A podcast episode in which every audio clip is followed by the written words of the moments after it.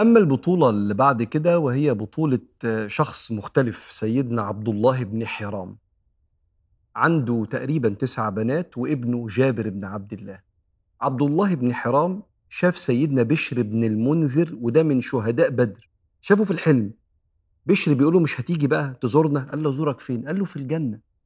إحنا مستنيينك. فراح حكى لسيدنا النبي عليه الصلاة والسلام فالنبي قال له إنها الشهادة يا عبد الله.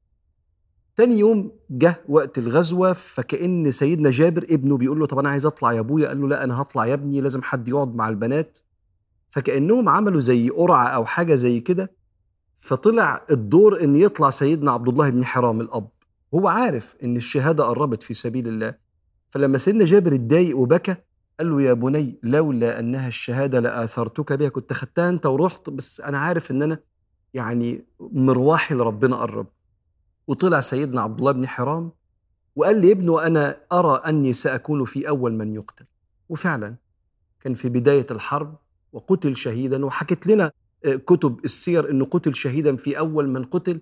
وده عبد الله بن حرام اللي قال لعبد الله بن أبي بن سلول رأس المنافقين تعالى حارب ما تفرش تعالى وقاتلوا في سبيل الله أو ادفعوا. قالوا لو نعلم قتالا لاتبعناكم. المنافقين لو تفتكر في القصة المرة اللي فاتت هو اللي قال لهم ما تنسحبوش وبلاش تبقوا جبنة.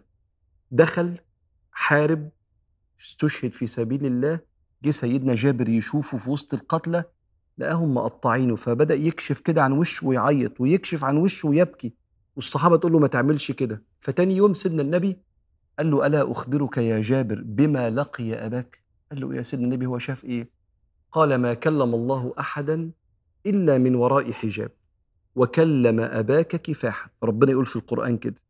ما كان لنبي أن يكلمه الله إلا وحيا أو من وراء حجاب.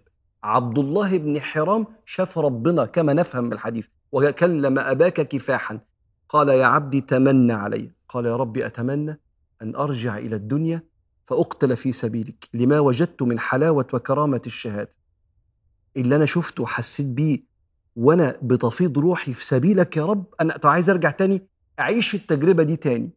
قال إني كتبت عليهم أنهم إليها لا يرجعون.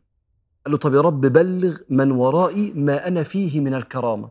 فأنزل رب العالمين ولا تحسبن الذين قتلوا في سبيل الله أمواتا بل أحياء عند ربهم يرزقون. فرحين بما آتاهم الله من فضله ويستبشرون بالذين لم يلحقوا بهم من خلفهم ألا خوف عليهم ولا هم يحزنون. يستبشرون بنعمة من الله وفضل وأن الله لا يضيع أجر المؤمنين. فكأن أمنيته إن الناس تعرف الشهيد في كل العصور دلوقتي وزمان وفي كل من يدافع عن قيمة ترضي الله ورسوله من وطن أو عقيدة. بسبب سيدنا عبد الله بن حرام نزلت الآية اللي فيها بشرى لكل إنسان بيتفانى في سبيل ما يرضي الله. قصص الشهداء بتخلي الواحد يتمنى إن لما ربنا يقبض روحه يوديه في المنزلة دي. لأن الشهيد ليه عند ربنا ست خصال.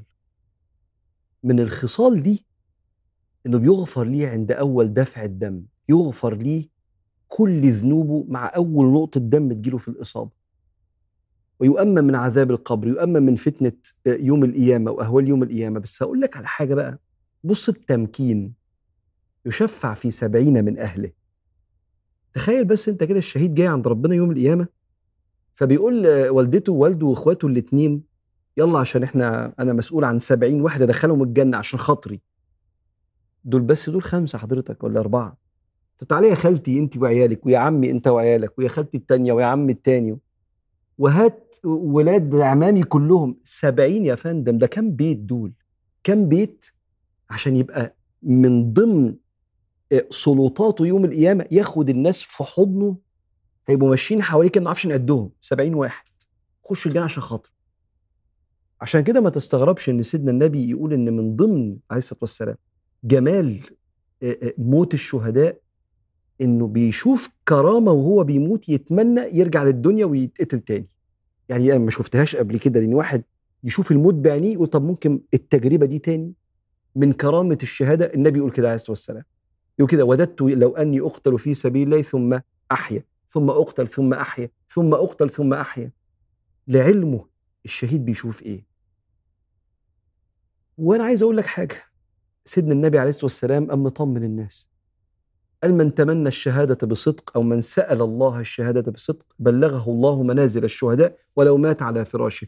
بالمناسبة في ناس كتير ماتت على السرير عادي خالص هيروحوا عند الشهداء ليه؟ لأنه عايش شهيد. الشهيد عنده صفة إن مقتنياته أرخص عليه من أهدافه وقيمه. لدرجة إن أغلى حاجة بيقتنيها اللي هي روحه رخيصة في سبيل قيمه سواء وطنه أو دينه أو أرضه. فالتضحية بالمقتنيات في سبيل الأهداف والقيم ده طبع الشهيد. عيش كده هتتفاجئ بمقامك يوم القيامة.